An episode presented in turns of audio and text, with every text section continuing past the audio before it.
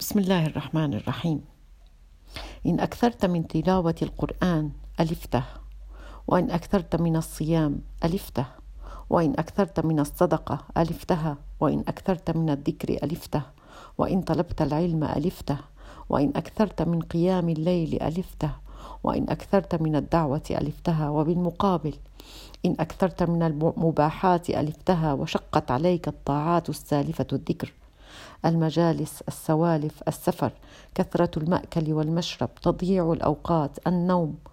قال ابن الجوزي رحمه الله إذا غرق القلب في المباح أظلم فكيف بالحرام؟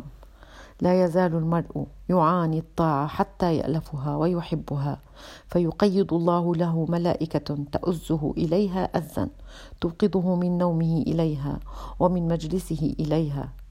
الجواب الكافي إذ قال الله تعالى والذين جاهدوا فينا لنهدينهم سبلنا. إذا أحب الله عبدا اصطنعه لنفسه واجتباه لمحبته واستخلصه لعبادته فشغل همه به ولسانه بذكره وجوارحه بخدمته.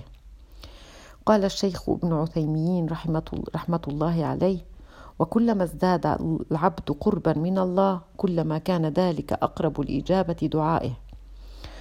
والحديث يقول ولا يزال عبدي يتقرب إلي بالنوافل حتى أحبه.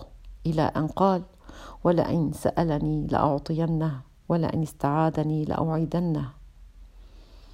فمن حدد لنفسه وردا وحزبا يوميا من القرآن بحيث لا يفرط فيه فمثل, فمثل هذا يفلح. اللهم ارزقنا في الفلاح والدنيا والآخرة.